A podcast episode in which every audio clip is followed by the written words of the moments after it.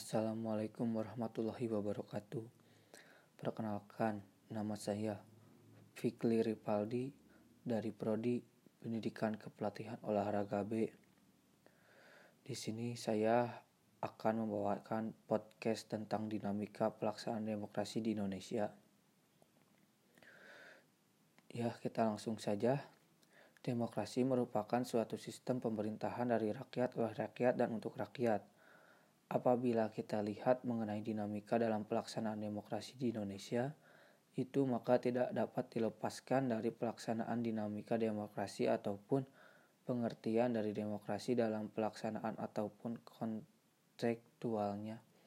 Mengenai pengertian demokrasi itu sendiri merupakan sebuah sistem pemerintah di mana yang diselenggarakan dari rakyat oleh rakyat dan untuk rakyat serta maupun dari sistem sosial dan politik dari pemerintahan dengan kekuasaan pemerintahan yang dibatasi mengenai hukum dan kebiasaan untuk melindungi hak perorangan warga negara Indonesia.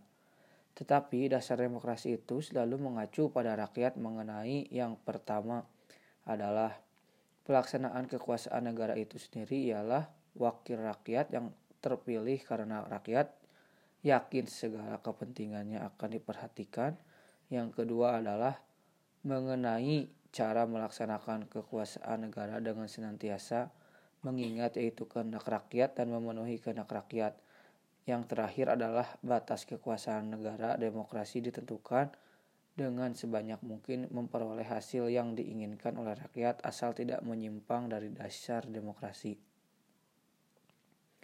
Sedangkan dalam penerapan di negara kesatuan Republik Indonesia, Demokrasi itu sendiri dapat dipandang sebagai suatu mekanisme dan cita-cita hidup berkelompok yang ada di dalam Undang-Undang Dasar 1945 yang disebut kerakyatan.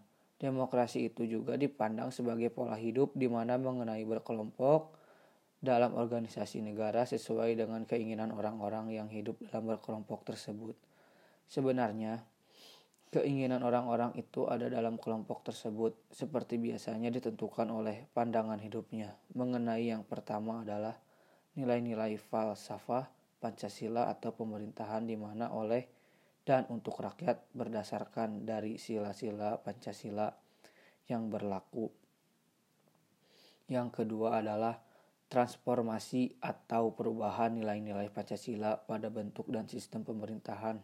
Yang terakhir adalah konsekuensi dan komitmen terhadap nilai-nilai Pancasila yang mengenai UUD 1945 mengenai demokrasi di Indonesia yang pernah diterapkan adalah mengenai yang pertama kali di Indonesia itu menganut sistem demokrasi parlementer yang biasanya disebut dengan demokrasi liberal.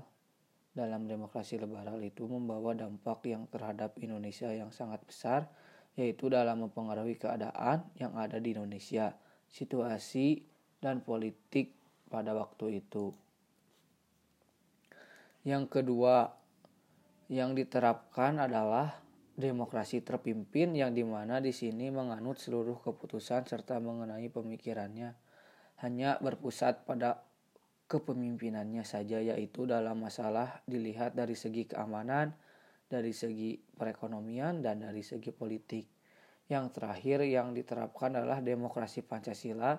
Yang dimaksud demokrasi Pancasila di sini mengenai demokrasi konstitusional yang mekanismenya mengenai kedaulatan rakyat dalam penyelenggaraan negara yang berdasarkan Undang-Undang Dasar 1945 tersebut. Pelaksanaan demokrasi di Indonesia adalah adalah masih berjalan dengan kurang baik karena masih terjadi pelanggaran di mana-mana akan tetapi menurut saya pelaksanaan demokrasi sendiri sudah berjalan dengan cukup baik sebagaimana semestinya. Dan saya berpendapat pelaksanaan demokrasi di Indonesia perlu diperbaiki dan ditingkatkan lagi. Pelaksanaannya agar keadilan dapat ditegakkan dan rakyat tidak dirugikan saya berharap ke depannya pelaksanaan demokrasi di Indonesia berjalan dengan baik dan sesuai dengan Undang-Undang Dasar 1945 dan Pancasila. Saya berpendapat pelaksanaan pemilu legislatif yang berlangsung sudah berjalan cukup baik dan lancar serta tidak terjadi pelanggaran. Tapi bila memilih lebih luas yaitu di seluruh wilayah Indonesia menurut saya pelaksanaan pemilu legislatif belum berjalan dengan lancar karena terjadi beberapa pelanggaran misalnya laporan adanya kecurangan yang dilakukan partai politik tertentu saat pemungutan perhitungan atau pengiriman suara banyaknya warga Indonesia yang tidak menyalurkan hak suaranya atau golput terjadinya permasalahan pada daftar pemilih tetap dan lain sebagainya. Terima kasih dan sekian dari saya. Maaf bila ada salah kata. Bil topik wal hidayah. Wassalamualaikum warahmatullahi wabarakatuh.